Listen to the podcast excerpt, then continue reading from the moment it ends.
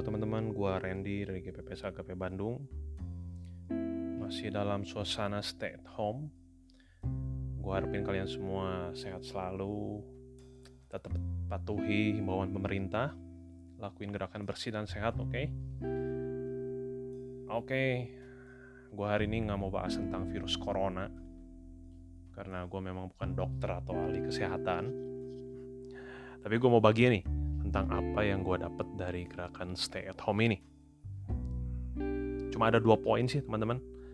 Poin satu karena kita udah tahu nih karena lagi stay at home kita jadi punya waktu yang ekstra buat uh, family, kita bisa quality time sama mereka dan juga mungkin kita bisa uh, hubungan secara online dengan teman-teman kita yang udah lama kita nggak hubungin mereka teman dekat kita dari dulu tapi kita sekarang karena sibuk kerja dan sebagainya gitu udah gak pernah kontak mungkin kita bisa kontak lagi dengan mereka teman-teman. Nah selain ngobrol dan main bareng sama keluarga kita yang ada di rumah uh, eh, gue mau ajak buat teman-teman bisa bangun mesbah keluarga. Jadi bukan hanya sekedar ngobrol-ngobrol aja tapi gue juga pengen ajak buat teman-teman bisa kita bangun satu mesbah keluarga kalau yang selama ini mungkin uh, belum ada teman-teman. Kalau yang udah ada lanjutin terus teman-teman. Nah kita mau ajak mereka buat kita siapa aja mungkin yang ada di rumah orang tua kalian cici koko adik opa oma suami mungkin yang udah yang suami istri anak atau siapa pun itu yang ada di rumah kalian buat doa bareng. Kalian bisa ajak baca firman, nyanyi, tepuk tangan, nyanyi apa pun juga, penyembahan, kalian bisa kesaksian, ceritain nih lagi di tengah-tengah hmm, virus corona ini mungkin lagi ada yang ngalamin ketakutan atau ngalamin namanya khawatir, coba kita ajak mereka supaya mereka bisa share apa yang lagi mereka alamin. Dan mungkin kita bisa saling bantu kita bisa ceritain pengalaman kita masing-masing. Kita bisa saling doain dan wah masih banyak banget kegiatan uh, di mesbah keluarga ini yang kalian bisa uh, lakukan teman-teman. Pilih yang paling memungkinkan dan cocok buat keluarga kalian masing-masing tentunya ya teman-teman ya. Kalau kalian kalian bisa main gitar kalian bisa bagi tugas. Mungkin ada yang bisa bisa khotbah bisa share firman juga kalian bisa siapin uh, share firman yang uh, singkat, jelas dan padat itu dan silahkan bagi-bagi tugas. Itu poin pertama teman-teman. Jangan lupa buat kita bangun sepak keluarga. Nah poin yang kedua, poin yang berikutnya, gue percaya nih setiap anak-anak Tuhan, hmm, mungkin hampir semua setiap anak-anak Tuhan, karena itu memang tugas kita. Uh, kita semua punya kerinduan buat lihat semua anggota keluarga kita bisa percaya sama Tuhan Yesus.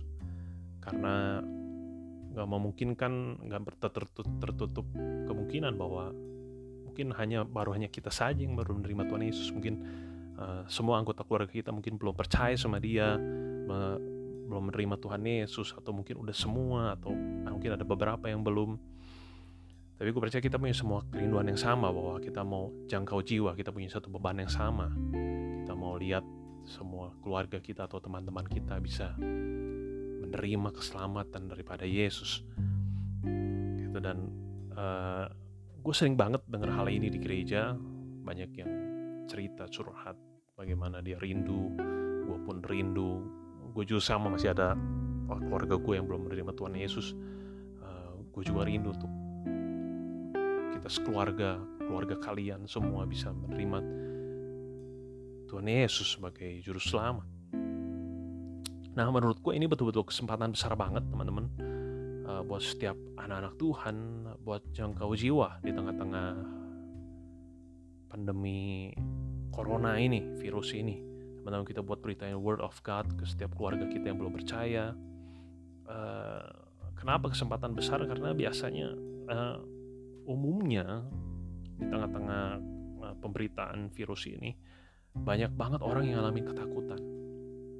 Dan banyak banget orang yang khawatir akan kehidupannya akan uh, apalagi mungkin yang sakit atau yang tiba-tiba sakit atau apa pun itu mereka mulai memikirkan uh, bagaimana nantinya gitu. Dan biasanya orang-orang yang ketakutan, khawatir, cenderung lebih terbuka untuk mendengarkan dan menerima tentang hal-hal yang rohani, tentang hal-hal apa yang terjadi sudah kehidupan, uh, bagaimana tentang eh, hal-hal uh, nanti tentang surga, tentang neraka, mereka lebih terbuka tentang hal-hal itu.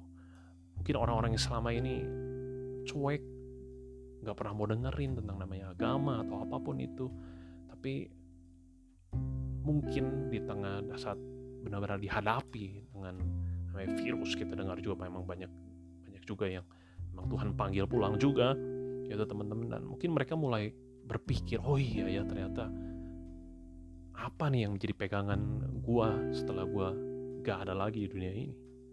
Jadi gue pikir ini kesempatan buat teman-teman yang selama ini berdoa supaya keluarga bisa menerima Yesus uh, untuk kita semua bisa bagiin uh, Injilnya Tuhan.